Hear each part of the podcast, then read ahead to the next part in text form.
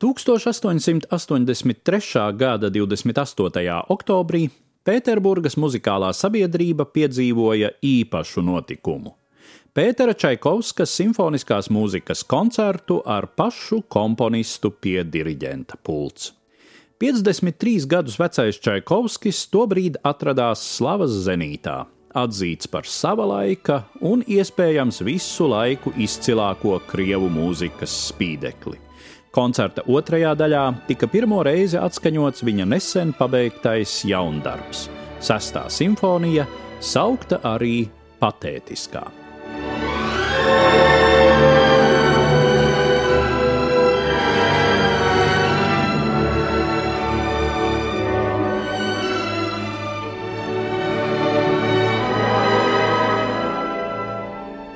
Krievu muzikologs Solomons Volkovs šādi tēlo pirmatskaņojumu.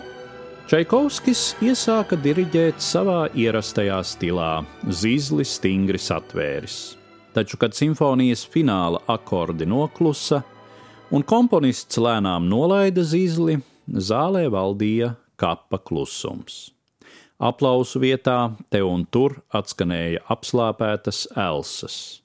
Publika bija satriekta. Čaikovskis stāvēja nekustīgs, galvu nodūris. Daži mūzikas vēsturnieki gan norāda, ka šis apraksts varētu būt pārspīlēts, un zālē tomēr atskanējuši aplausi. Tomēr visi ir vienisprātis. Publikā tai vakarā nevaldīja pacilātība, mūzika viesa drīzāk traģisku noskaņu. Kā apgalvo jau citētais Solomons Volkovs, Lielkņas Konstantīns Konstantinovičs, cara Aleksandra III brālis un patiesa Čaikovska talanta pielūdzējs, jau pēc ģenerāla mēģinājuma ar asarām acīs izsaucies, ko gan jūs esat sacerējis, tas taču ir rekvijēms, rekvijēms.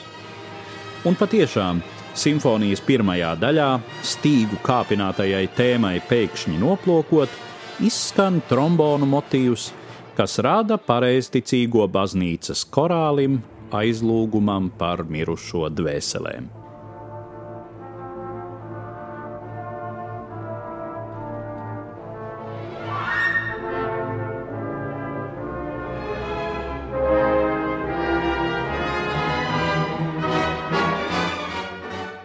Var gan būt, ka simfonijā šie fatālie motīvi tiek saklausīti pirmatskaņojumam sekojušo notikumu kontekstā.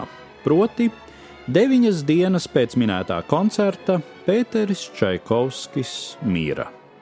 Oficiālais nāves cēlonis - holēra, pie tam populāra ir versija, ka Čaikovskis inficējies apzināti dzerot nevārītu ūdeni. Vēl citi pētnieki norāda, ka komponista pirmsnāves simptomi ļoti atgādinot saindēšanos ar arsēnu. Čaikovska vēlme laupīt sev dzīvību tiek saistīta ar viņa homoseksualitāti, kas tolaik bija krimināli sodāms noziegums un sabiedrības vairākuma acīs augstākā mērā amorāla parādība. Daži autori apgalvo, ka komponistu piespieduši laupīt sev dzīvību, vai nu studiju biedri, kas viņam sarīkojuši goda tiesu, vai arī cars Aleksandrs. Kā komponista mīlas objekts visbiežāk tiek minēts viņa māsas dēls Vladimirs Davidovs, tobrīd 22 gadus vecs jauneklis, kuram komponists mūža nogalē nepārprotami pieķēries un testamentā novēlējis savu darbu autortiesības. Tikām citi Pētera Čaikovska pētnieki norāda, ka sestā simfonija tikai attīsta dzīves un nāves attiecību tēmu, kas raksturīga visam viņa daļrades noslēguma posmam.